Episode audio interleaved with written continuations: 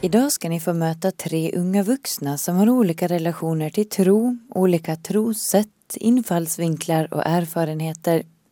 Med dem har jag pratat bland annat om deras egen tro, deras tankar kring religion, hur det påverkar deras och andras liv, hur olika länder färgas av den rådande trosuppfattningen och hur man bemöter den svåra frågan om Guds existens. Jag som har gjort programmet heter Sara Orre. Först ska vi träffa Negin Sedki som är troende bahai. Negin är ung, snart 21 år, men trots det har hon kommit långt i sina tankar kring sin tro. Vi har pratat både om hennes tro och hennes tillit till Gud. Eftersom bahai inte är så känt börjar Negin med att berätta om religionen. Bahai-tron kan jag rakt på sak säga är en världsreligion och syftet är att ena alla raser och människor i en universell sak och en gemensam tro. Och Bahaier är anhängare till Bahá'u'lláh. Och vi anser då att han är den utlovade för alla tidsåldrar. Och om man säger som så att varje folkslag har en tradition som utlovar en framtid där fred och harmoni ska liksom äga rum på jorden och där mänskligheten ska kunna leva med varandra i, i liksom harmoni och välstånd. Och vi tror att den här utlovade tiden har kommit. Och att det är Baha'u'lláh som är den största gestalten. Och med hjälp av hans läror och skrifter så kan vi försöka uppnå den här möjligheten att uppnå fred och enighet. Och alltså den, den här eh, frågan är jättesvår när man frågar vad är en religion, vad är Bahai? Det är ju är ju så otroligt brett. Vad vill man veta? Men det allra första som jag försöker att nämna det är alltså den första läran, Bahaulas läror, som handlar om Gud och vårt förhållande till Gud. För det är den som är den grundläggande. Och Bahaula lär oss att Guds väsen, det ligger utanför vårt vetande. Alltså att han, Gud är så pass stor att vi kan inte förstå hur stor han är. Alltså man kan inte ens gestalta honom som en man. Eller, det går inte ens att exemplifiera Gud. Men att att han är allting skapare och att han har skapat allting men att vi för, har inte kapacitet att förstå vår skapare. Så trots att Guds existens är liksom långt bortom vår förståelse så tror vi att, liksom att hans kärlek alltid berör våra liv och alltid påminner oss om det. Och så fort människan börjar avlägsna sig från honom och börjar glömma bort Gud, det är då han skickar en manifestation. Och vissa kallar det profet. Vi väljer att hellre kalla det manifestation. För manifestation det betyder att uppenbara, att frambringa någonting som inte var känt förut. Och Guds manifestationer det är Jesus, Muhammed, alla de här.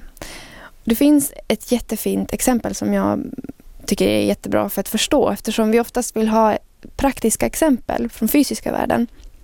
Och den brukar jag ta som så att eh, i den här världen så är ju solen källan till allt liv på jorden. Vi klarar oss inte utan den. Och eh, ändå så stiger ju inte aldrig solen ner på jorden och vi kan aldrig komma nära den för annars skulle vi ju dö.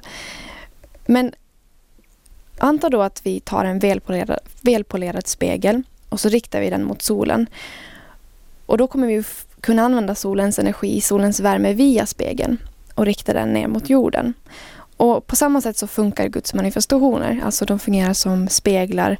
Och desto mer fulländade de är, desto starkare lyser de.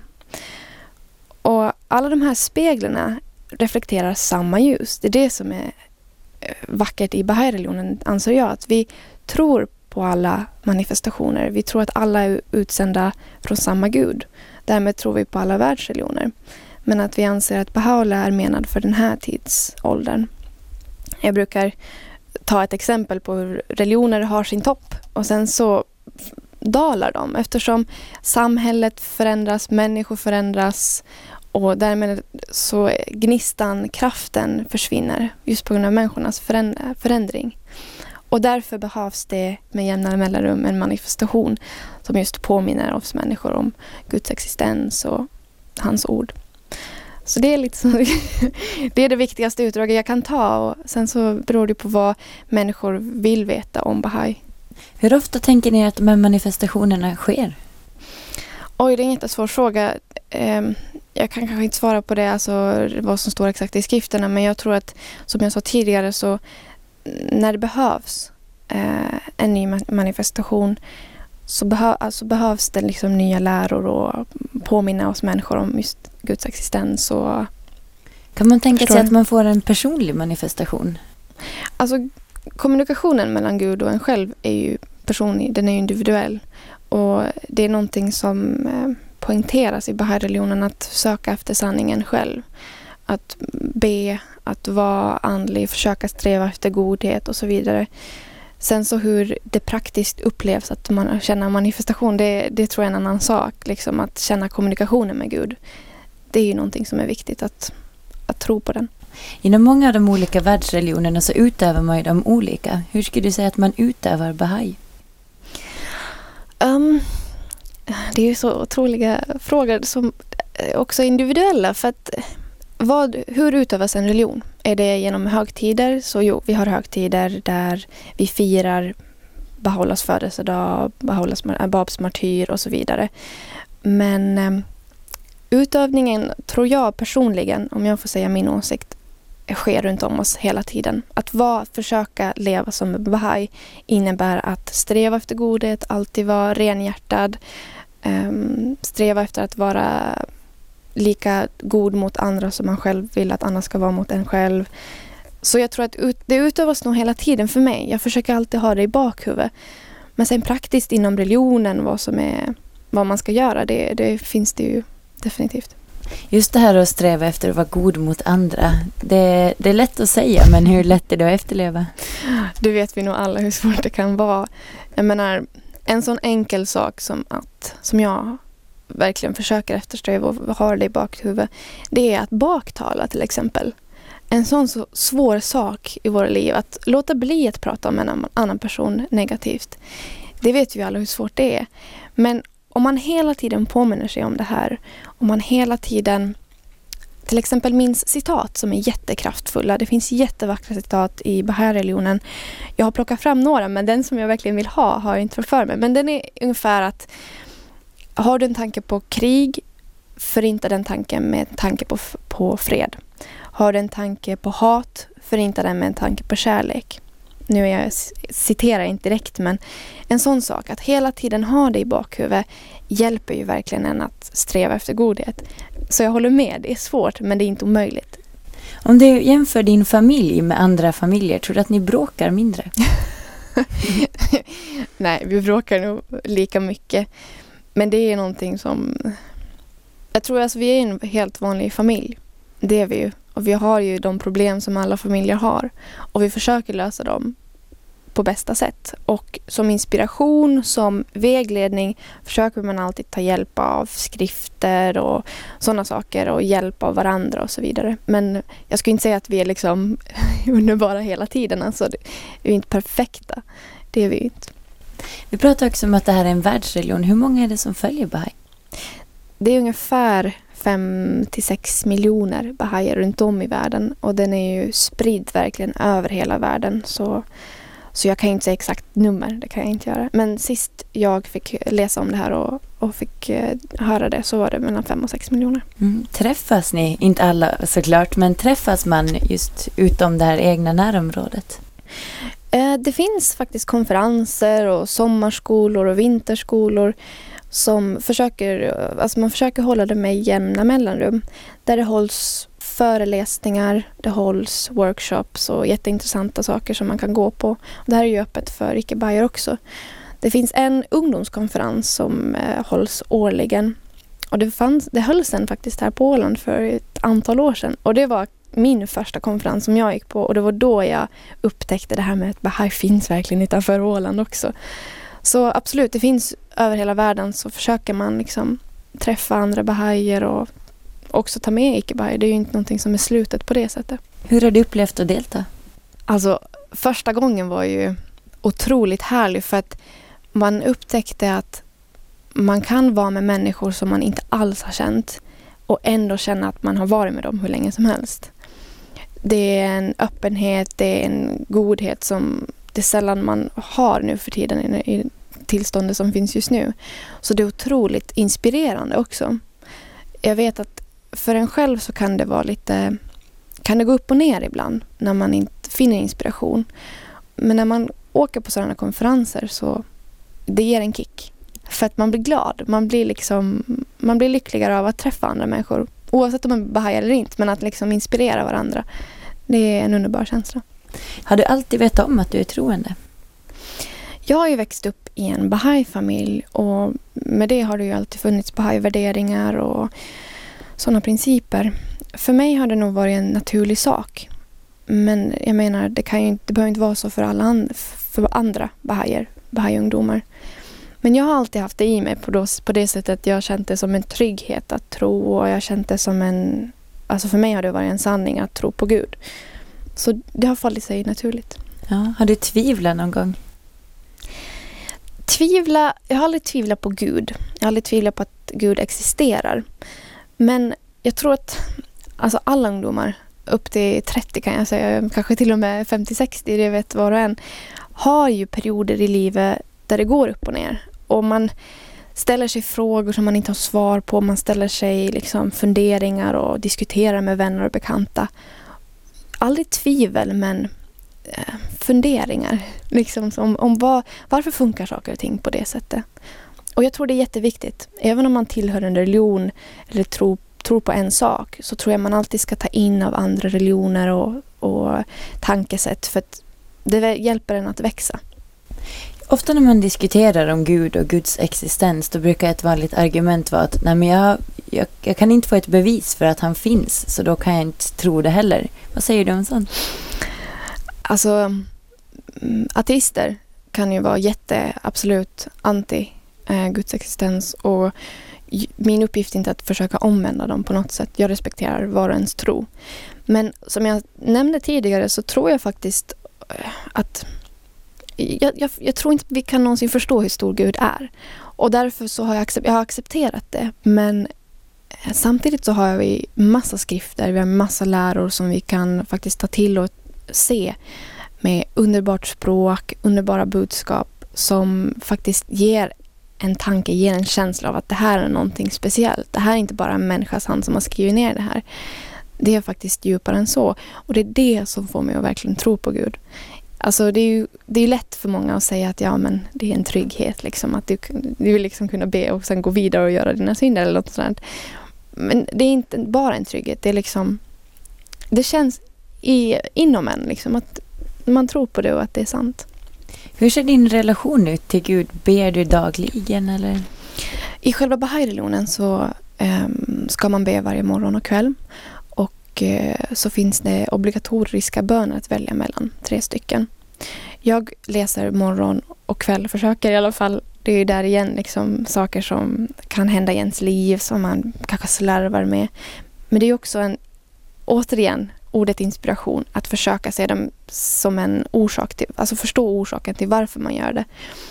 För jag menar, en liten stund om dagen, två, tre stunder om dagen ger en energi att be bön, meditera och ta liksom sin stund att tänka över saker och ting. Vi behöver det, speciellt i dagsläget tror jag. Mm, varför då? Jag tror vi befinner oss i en tid där människor som mest behöver vägledning um, jag menar, vi vet själva hur vi ser på varandra.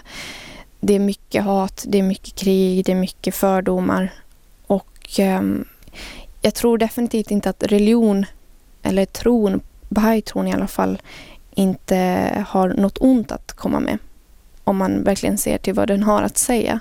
Så jag tror det är det som behövs, att man förstår liksom vad som är syftet med det. Som jag sa tidigare, syftet är att uppnå en gemensam tro, enighet, fred och det är jättestarka saker. Och det känns ju som att vi inte kan uppnå det. Men om alla skulle ha den tanken så tror jag mycket skulle hända.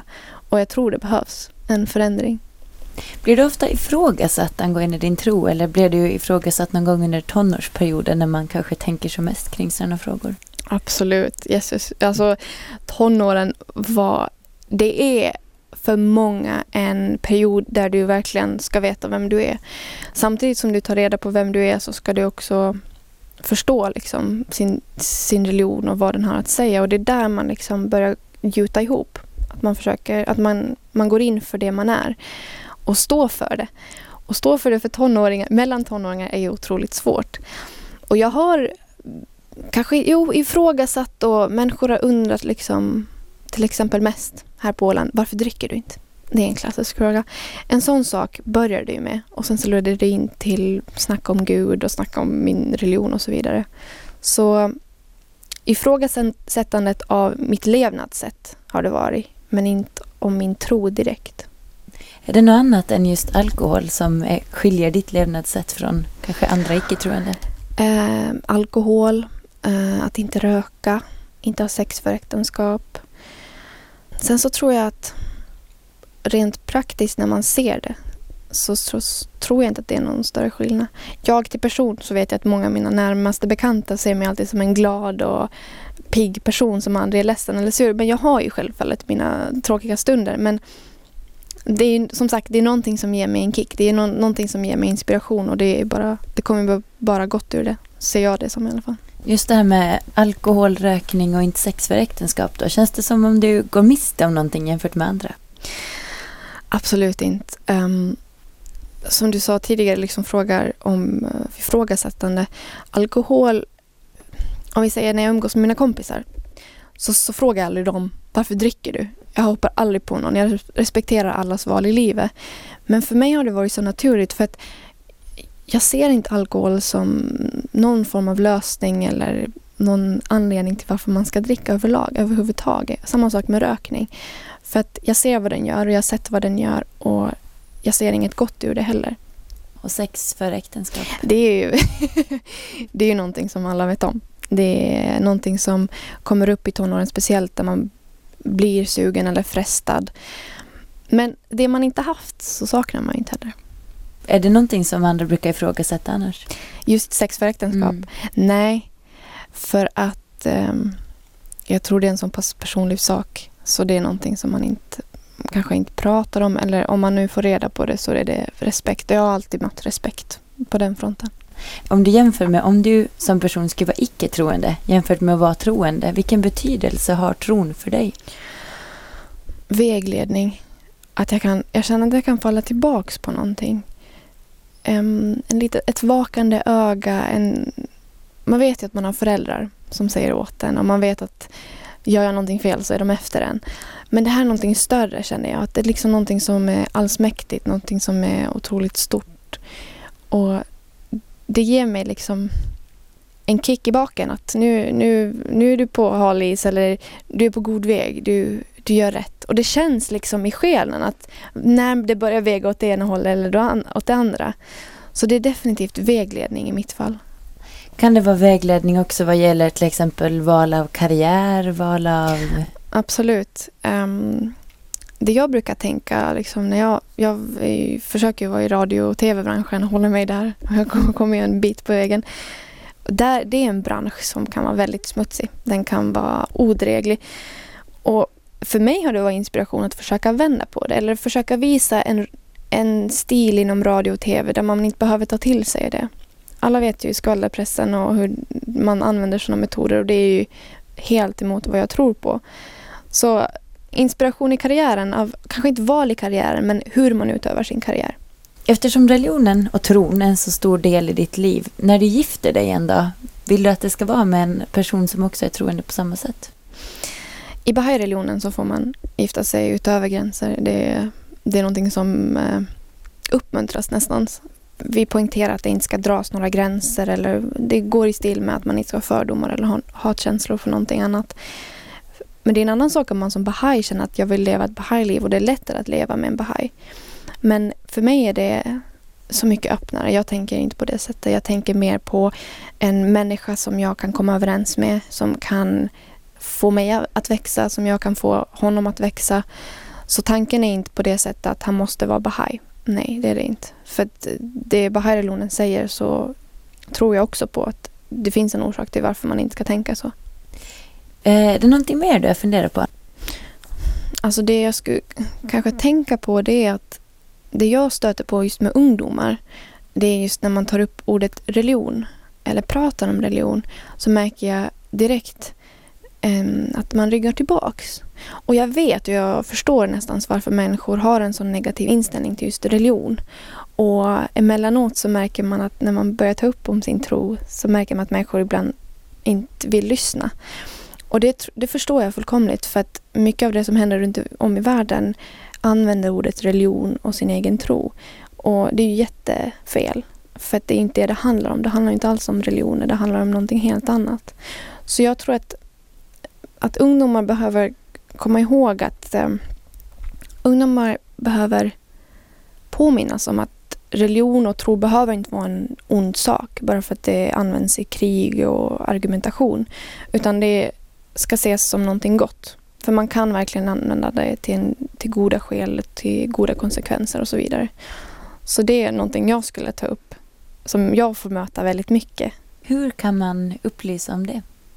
Alltså det är inte någonting som jag går runt och proklamerar, alltså går runt och knackar dörr på, något, på något sätt. För att, men någonting som är intressant är att när man hamnar i diskussion med människor, ungdomar och vänner och bekanta, att försöka ta upp deras orsak till varför de tänker som de gör, varför de är helt anti-gud eller anti-religion. Och jag tycker det är jätteintressant att få reda på deras orsaker för att förstå det också. För jag tycker det inspirerar mig också att tänka och förstå saker och ting. Men eh, det är någonting som var en ungdom måste söka själv, måste tänka efter och kanske läsa på och, och se liksom vad som kan vara passande för en själv. En annan person jag har träffat är Evert Gustafsson som har valt att ägna sitt liv, eller åtminstone yrkesliv, åt religionen och tron eftersom han har planer på att bli präst. Evert är 25 år gammal och har läst teologi i fyra år. Vi började med att prata om en av de stora frågorna. En fråga som du säkert kommer att få sen när du är klar präst och börjar möta människor. Det tror jag att kommer att vara hur ska man kunna våga tro på att Gud finns när det händer så mycket hemska saker. Det är våld och det är krig och både ute i världen men också ganska hemska saker här på lilla Åland. Ja, den frågan är ju väldigt svår att besvara. Det är ju det största problemet som finns inom teologin är just det här teodicéproblemet som det heter. Att hur kan Gud vara både god och ond? Och den frågan får man ju inget svar på så här direkt. Ehm, I Bibeln finns det ju många svar på frågor nog och kyrkofäderna har ju också analyserat Bibeln på det sättet. Eh, så att man kan genom Bibelns ord få svar på vissa frågor och dra paralleller då till, till bibliska idéer nog i de här frågorna. Men om man möter en människa på det sättet så kan man ju inte alltid slå upp Bibeln som det första utan man måste försöka också ta in dagens samhälle i det hela och, och på det sättet försöka få in tron på något sätt. Nu vet man ju inte om man möter en människa så behöver den ju inte vara troende på det sättet. Utan man kan börja lite så här lugnt och, och försiktigt och sen kanske försöka få in tron på, på ett sätt. Om man märker att, att det finns en fråga från den människan i, i själva tron. Den vill ha ett svar via tron och inte bara genom samhället. Tror du att tro är någonting man kan diskutera sig fram till eller är det någonting som var och en känner? Tro är nog någonting som man känner. Och alla har ju sin egen personliga tro. Ehm, det är klart att man kan försöka få in dem på sitt eget trospår. Men alla olika religioner har ju en olika tro på olika sätt i, i olika frågor och därför så, så blir det nog att man får försöka jämka då. Och, och sin egen tro måste man ju alltid ifrågasätta också då man möter en annan människa. Är det här diskussioner som du redan har hamnat i? Flera gånger, det händer varje gång som man är ute bland folk och, och visar att man är teolog. I Åbo så har vi ju våra så kallade halare, våra festkläder som vi går runt med och där står det TSF, Teologiska studentföreningen står det det för och så står det Föreningen mot plågsamma kyrkobesök som det är vår logo. Och när folk ser den här halan, vi är lätt igenkännliga, vi har lila som är då biskopsfärgen, så, så kommer folk och pratar om tro och om andra olika saker med oss i festsammanhang. Och, och annars så profilerar man sig ju här hemma på Åland så vet väl ganska många vad jag håller på att studera. Det är ju ingenting som jag har så här lagt i, i en låda. Och jag säger ju att jag studerar teologi för att bli präst eventuellt. När du sa också att då får man också ofta tänka på sin egen tro och kanske lite revidera den. Hur har din egen tro ändrats eller utvecklats? No, den ändrar ju varje vecka för att man läser ju olika folks tankar om en viss trosidé och det gör att man anammar de trosgrejerna. Sen också genom mycket diskussion med andra människor om olika saker. Det kan vara döden, Det kan vara varför låter man döpa sina barn? Ofta så är vi ju i den här eh, nu i den åldern som man är så i, speciellt i studierna så pratar man ju om dop, om barnafödande, om giftermål. Det är ju mest aktuellt hos de studerande. Döden kanske inte har en lika stor roll. Det är klart att ens mormor och farmor dör i, i det här läget och då kan det komma sådana frågor också. Men ändå så tycker jag mest att vi pratar om mm, egen livssituation, alltså de som vi är i nu. Hur är det just att få in alla de här trosaspekterna på det då? Är det svårt eller? Det är inte svårt, det kan jag inte säga, men det är också svårt för att man vet inte var man ska börja. Man, man kan börja väldigt djupt och man kan börja väldigt lätt och så ser man vart det, vart det leder.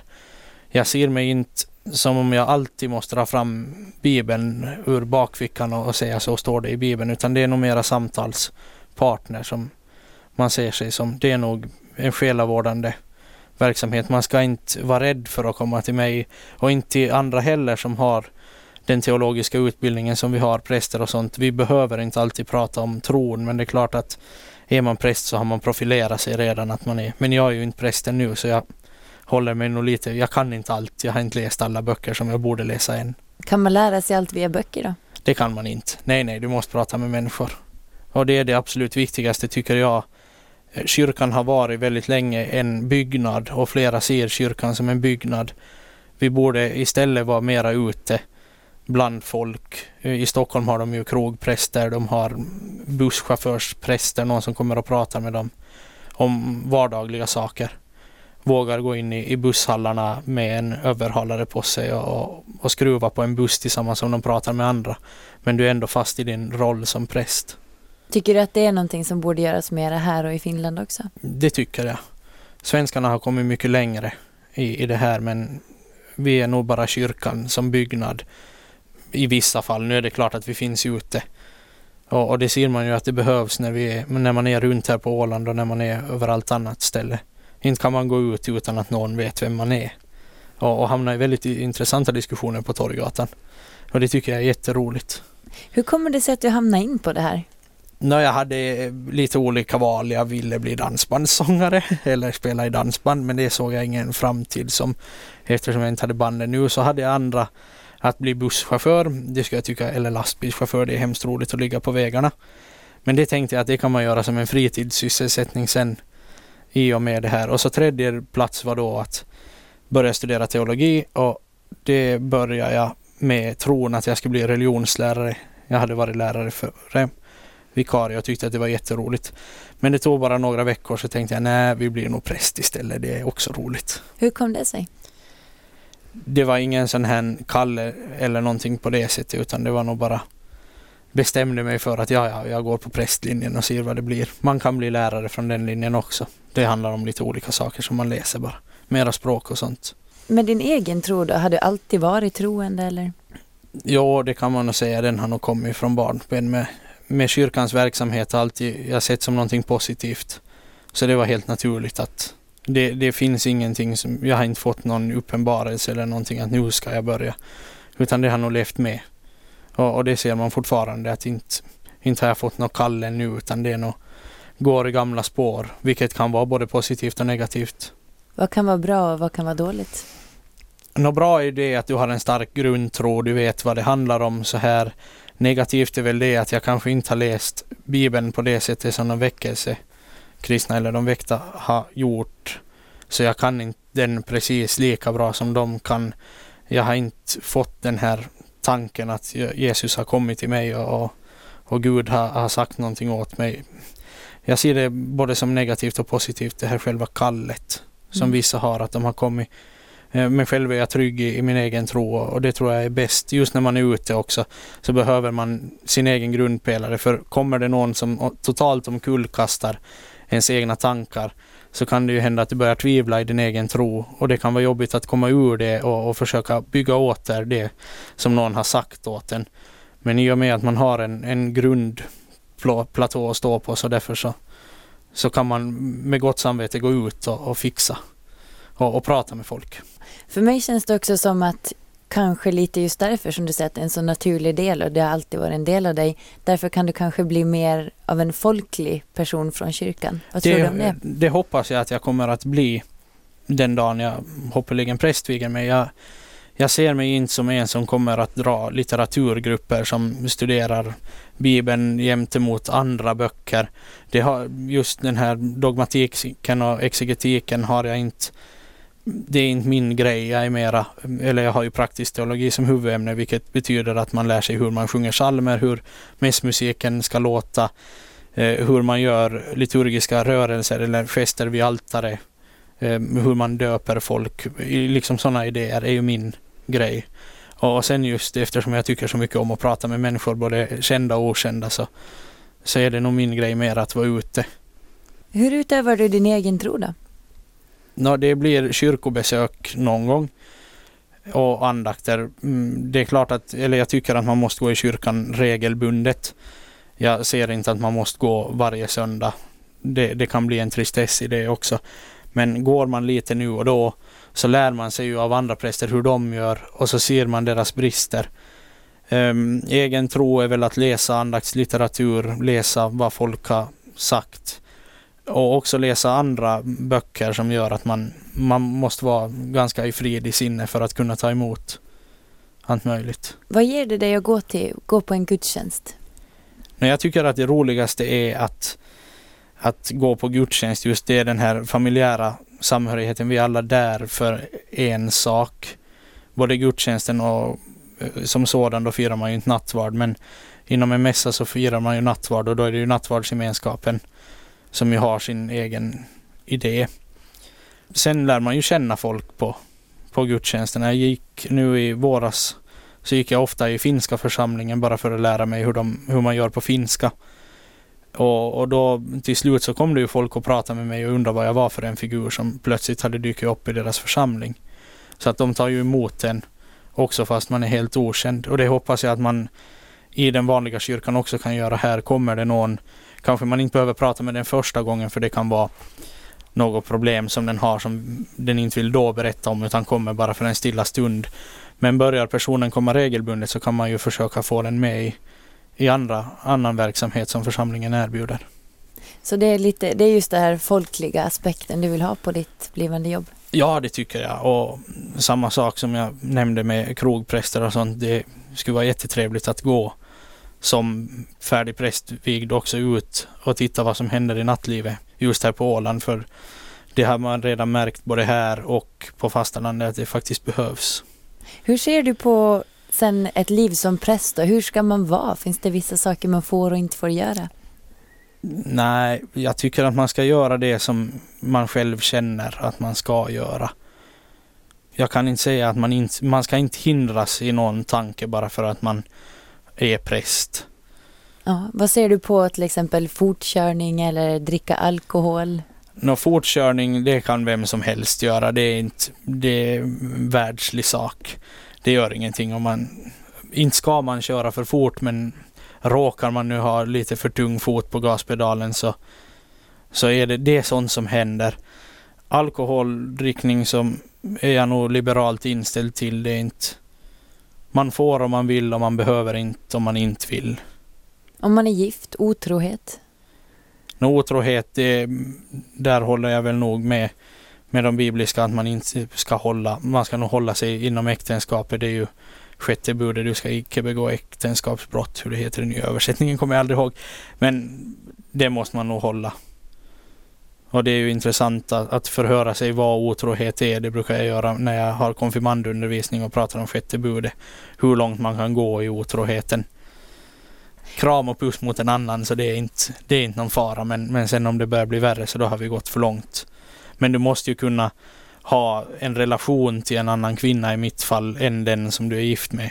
Nu är jag inte gift så jag vet ju inte hur det funkar i praktiken men du kan ju inte skippa alla vänner bara för att du har ett förhållande. Om någon kommer till dig och säger att jag och min man gifte oss i kyrkan för 30 år sedan och nu har jag varit otrogen mot min man. Finns det någon förlåtelse för mig? Det finns det nog. Eh, inom gudstjänsten så har vi det som kallas för syndabekännelse och efter det så får du förlåtelse för dina synder. har det hänt en gång så måste man måste ju diskutera. Man vet ju inte vad otroheten har, har lett till, var, var, den, var grunden är. Och ser man det sen då i ett vidare perspektiv så kanske det inte var så farligt. De kan tro att de har varit otrogna fast de egentligen inte har varit det. Det beror ju på. Snedsteg gör alla och, och det, det, måste funka på något sätt. Nu kan man säkert lappa ihop det. Men det vet jag inte, det är en diskussion man får ta då. Du nämnde också här lite när du var ute och pratade med konfirmander. Vad är det för annat som brukar komma upp då? Med konfirmander så pratar man oftast om livssituationen just nu. Hur de ligger i skolan till exempel är ju en stor del av konfirmandernas liv. De är mitt emellan åttan och nian oftast. Nian sista året i, i grundskolan. Vad ska de göra sen? Vad ska de bli när de blir stora? Det, det finns mycket ångest i, i sådana saker. Det är den tiden som kanske mor och farföräldrar också börjar bli gamla. De kan få något fel. Det kan vara sådana saker som man får prata om med dem. Mycket också hur förhållanden kan vara mellan då en man och en kvinna och sådana saker. I och med att du är 25 år, det är inte särskilt länge sedan du var i samma situation. Tror du att det är lättare för dig än för en äldre person att möta dem? Det tror jag och det märker man nog när man är med konfirmander eller i konfirmandåldern att de kommer med, med vissa frågor till mig som de inte kommer till en äldre person med som man kan ha med. Det kan vara en ungdomsledare, en kantor, en präst. Vissa frågor sen så får inte jag utan det får de som är äldre och gamla i GME. Så att man har, det är jättebra att vi har den möjligheten att komma på konfirmandläger Ehm, som unga studeranden och, och sen finns det också en äldre som, som har mera erfarenhet som kanske kan svara på frågor på ett annat sätt än vad jag kan med sin livserfarenhet. Jag vet kanske hur samhället mera fungerar nu eftersom det är bara tio år sedan jag var i samma situation och så vidare. En annan plats där du också har mött unga människor det är på ett stort scoutläger som du just har varit på. Och där ska ni också hålla i ekumeniska gudstjänster. Det tyckte jag lät spännande. Kan du berätta om hur man gör då? Då försöker man så att alla trostillhörigheter kan komma. Eh, kristendomen har ju Jesus som en stor förebild. Man får lite skala av Jesu-tanken inom, inom kristendomen då eftersom, eller den lutherska, eftersom det finns, fanns ortodoxa judar, katoliker. De, de vet ju vem det är, de vet, vi, sa, vi gick ut och sa att vi är lutheraner. Men eh, vi använde oss ganska mycket av Tissé-sånger, den där klostret som finns i Frankrike. Och, och, med hjälp av de sångerna så byggde vi upp andakterna. Gudstjänsten använde vi sekulariserade sånger, alltså moderna sånger, då sång till friheten och, och sådana saker. Så att alla kunde anamma just det och försökte välja en psalm som inte beskriver allt för djupa problem utan kanske är mera vardaglig vi valde Gudskärlek här som stranden och som gräset. Hur var den här gudstjänsten? Den var speciell. Vi gjorde den scoutis och vi hade ett hejarop först. Som man brukar ha inom scouterna och sen sjöng vi väldigt mycket. Hade en kort predikan. Det var inte jag som hade den utan det var Henrik Smith som höll den som jag var tillsammans med och drev den här kyrkan på scoutlägret. Det vi märkte var att eh, det var mycket av utlänningarna som ville komma till kyrkan. Det var inte våra finlandssvenska vänner, de kom mest att prata om, om vardagliga saker. Vi hade ett väldigt bra ställe mitt i vägen för kafé så alla måste passera kyrkan och den var grön och vit så alla visste var vi var. är grön och gul var den. Men eh, just de här engelsmännen och, och grekerna som vi hade med oss som gäster på lägret så de besökte kyrkan oftare det märkte vi med att de kunde sitta och, och hålla morgonbön innan vi hade öppnat kyrkan för att de ville ha en, ett lugnt ställe dit de kunde gå.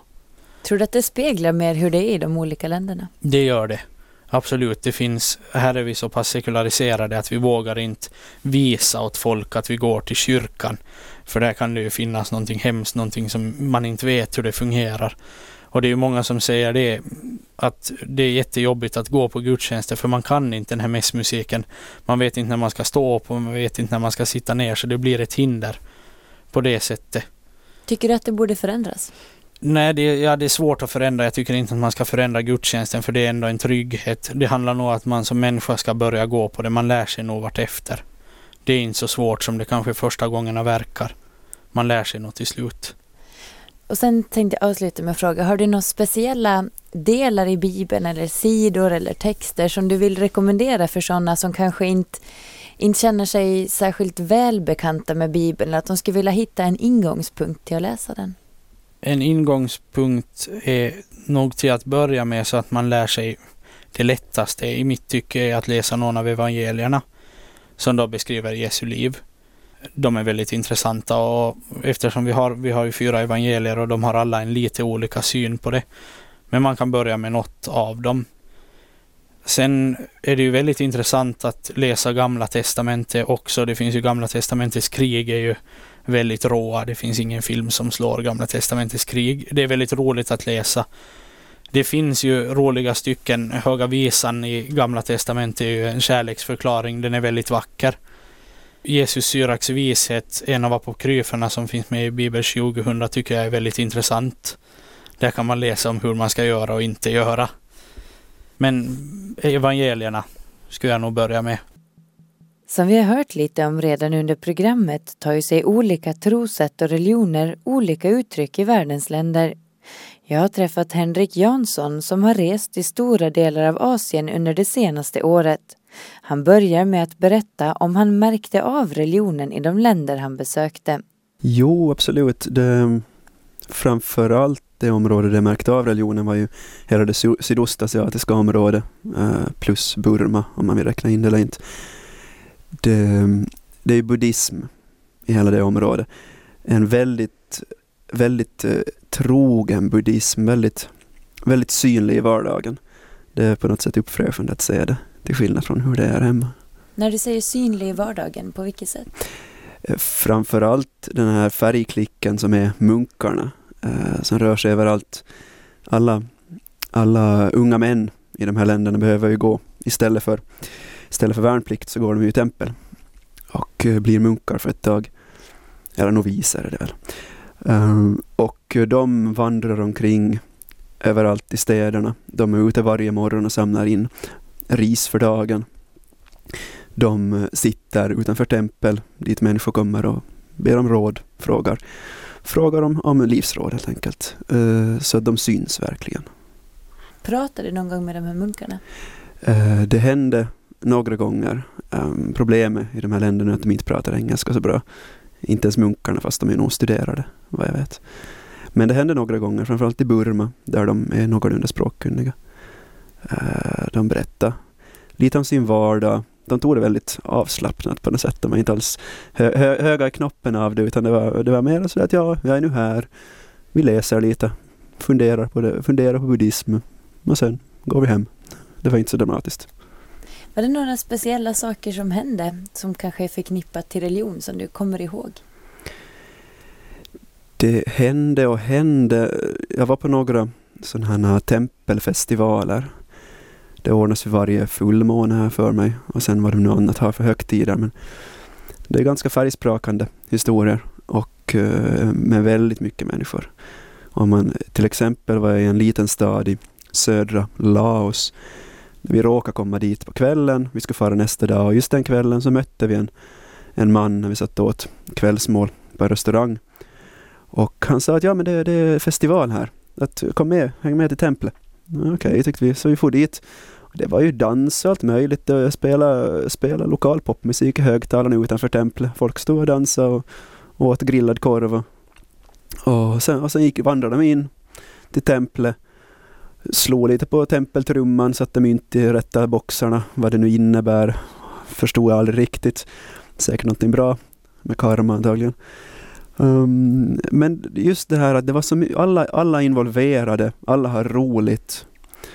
Det, det, det reagerar jag verkligen på. Just det. Hur upplevde du det som utlänning? Tog de emot er också eller? Jo, de var ju nyfikna förstås. Uh, jag tycker, speciellt när man är i södra Laos. Turisterna hittar inte dit så ofta. Så de börjar först fundera om att vad, vad, vad gör ni här? Såg man i deras ögon. Sen när de märkte att man var där eh, och att man var intresserad och ville veta vad det var frågan om så då, då kunde det bra hända att de tog en i armen, drog med en De kunde inte prata engelska igen. Men de tog en i armen, drog med en till, till trumman och visade att slå här så, så händer någonting bra åt dig, ville de väl säga. Eller eh, här, betala lite så får du en massa mynt och så ska du stoppa dem i de här lådorna i rätt ordning och så får du till slut komma fram till munken och han ger dig några livsvisdomar. Man förstod ju aldrig vad de sa men de, på något, de ville ändå visa vad det var frågan om. Ja, trots att de visste att du kanske inte hade samma trosuppfattning själv? Jo, men de verkar inte bry sig så mycket om det. det jag tror deras inställning är att alla egentligen är buddhister, man bara inte vet om det. du sa så här i, i början att du tyckte det var uppfriskande jämfört med, med hur det är här hemma och mm. resa i de här länderna. Om du jämför lite grann, vad är, det, vad är de stora skillnaderna? Mm, när jag säger hemma så då menar jag ju den här högkyrkliga traditionen i, i södra Finland framförallt. Man går till kyrkan på, till jul och på bröllop och dop. Men inte så mycket mera. Uh, i, I Burma till exempel, Laos, Kambodja, Thailand så är ju buddhismen allestädes närvarande. Man kommer inte undan den. Eh, man förväntas gå, om man går, till, till templet åtminstone en gång i veckan. Tänder ljus, rökelse, ber en stund. Det, på något sätt tror jag att man in, de inte funderar så mycket på vad det egentligen är det innebär, det de gör. Utan de gör det kanske av en vana, kanske för att det ska vara så, kanske för, kanske för att de känner ett behov. Men det, det är en del av deras liv på ett helt annat sätt än vi tänker på religionen, kristendomen här hemma. Tycker du att man borde förnya det hur det är här på något sätt? Det tror jag inte att det är något självändamål alls. Religion är ju religion och den växer ju fram naturligt. Um, inte jag för någon Även, jag är själv kristen men jag inte är för någon, någon nödvändigtvis någon väckelse här som alltså, så folk skulle börja springa i kyrkan hela tiden. Man måste göra som man vill ändå. Det är en del av vårt samhälle, precis som buddhismen är en del av samhället i Sydostasien. Det ser bara annorlunda ut. Mm. Många som har varit i till exempel Thailand brukar ofta ge människorna epitetet att de är vänliga för att de är buddister. Vad tror du om sådana uppfattningar? Ja, det är svårt att säga vad som är... Som jag sa, eh, buddhismen är en del av dem. Det är svårt att säga just med vänligheten till exempel. Om de är vänliga för att de är buddister eller om de är vänliga för att de är då, thailändare. Eh, och genom att de är thailändare så är buddhismen en del av deras liv. Svårt att säga vad som är vad det är nog bara en livsinställning det handlar om tror jag. Om du jämför med andra länder som du också besökte under din resa, mm. vad ser du för skillnader där? Ja, eh, där skulle jag säga att Burma var ju det land där buddhismen var som, vad ska man säga, starkast, om, om man säger, använder ett enkelt ord. Eh, det märktes bland annat på att där gick människorna verkligen till templet varje dag. Eh, en, en, en, munk sa åt mig att det är för att de inte har något annat att göra. Men eh, det var väldigt tydligt. Det var också mera, uh, mera hängivet på något vis. I de andra sydostasiatiska länderna så lämnar man, lämnar man skorna utanför, utanför själva eh, tempeldörren. Men i Burma lämnar man skorna utanför hela tempelområdet. Bara en sån grej. Jag försökte fråga en, en, ett par munkar varför det är så. De sa att ja, no, det, det är nu så. uh, så att, svårt att säga varför. Men att um, de spenderar långa stunder med, med ett B när jag vandrar omkring i templen. Så. Så jag kom in, ser, ser en kvinna sittande och, som sitter och ber. Jag vandrar omkring i templen en halvtimme, kommer tillbaka. Hon sitter fortfarande där i samma ställning. Sen, det är nu det var den skillnaden jag såg, så att säga. Det var ännu kraftigare. Samma sak, men ännu mera, så att säga. Om du tänker på den, de tankar du själv kanske hade kring buddhism innan du åkte, vad du har fått lära dig i skolan och kanske så lite allmän uppfattning här hemma. Motsvarar det du upplevde vad du har fått lära dig om man säger så? Jo, det skulle jag nog säga. Um, just med buddhismen i skolan, jag minns faktiskt inte riktigt vad man lärde sig.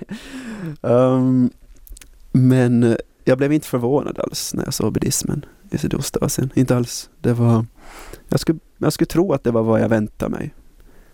Uh, sen däremot är det ju förstås uppfriskande att verkligen se det på riktigt.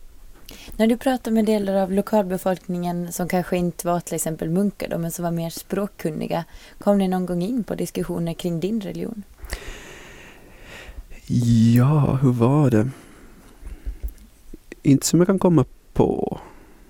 Det tror jag inte. Den, jo, det frågades ibland uh, vad jag har för religion. Och de frågade, är du buddhist? Det var så de började. Um, och jag förklarade nej, jag är kristen. Uh, sen så frågade de aldrig desto mer om saken.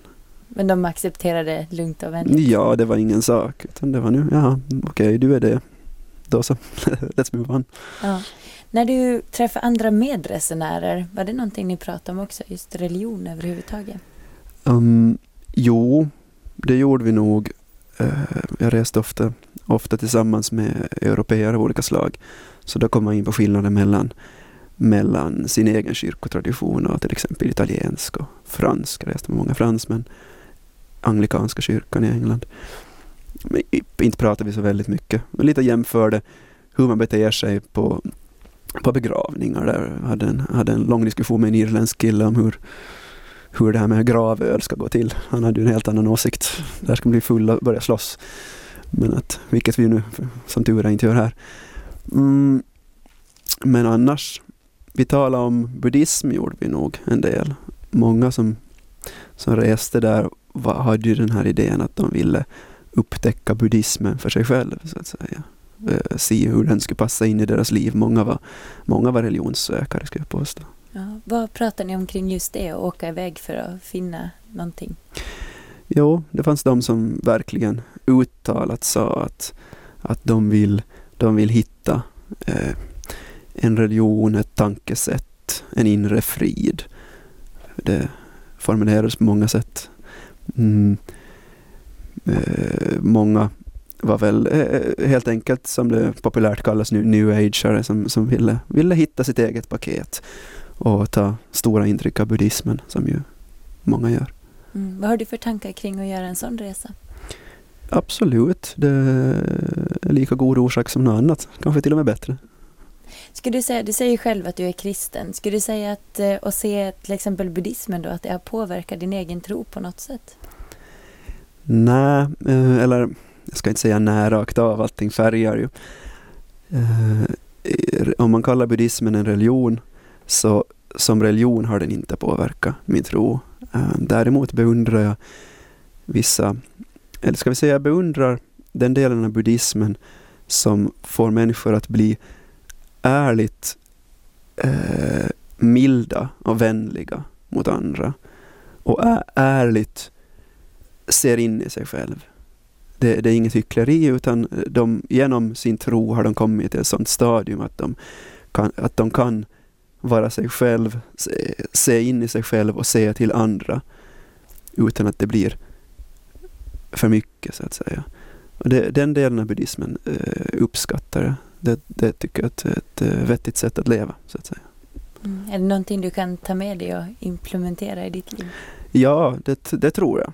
Um, jag funderar ofta att just det här med, med uh, ilskan som jag tror alla människor har i sig uh, är ju någonting väldigt destruktivt. Och jag tror att uh, om vi lite tänker, om, även om man nu inte vill bli buddhist eller man vill inte ta till sig den tron, så kan man åtminstone försöka tänka som en buddhist på det sättet att man försöker hålla tillbaka de känslor som man själv vet att är destruktiva inom sig. Man, man, ser, man märker att de är där, men man ignorerar dem. Det tycker jag, tycker jag är en sund inställning. Sist hörde ni Henrik Jansson, innan det har vi träffat Negin Sedgi och Evert Gustafsson. Jag som har gjort programmet heter Sara Orre.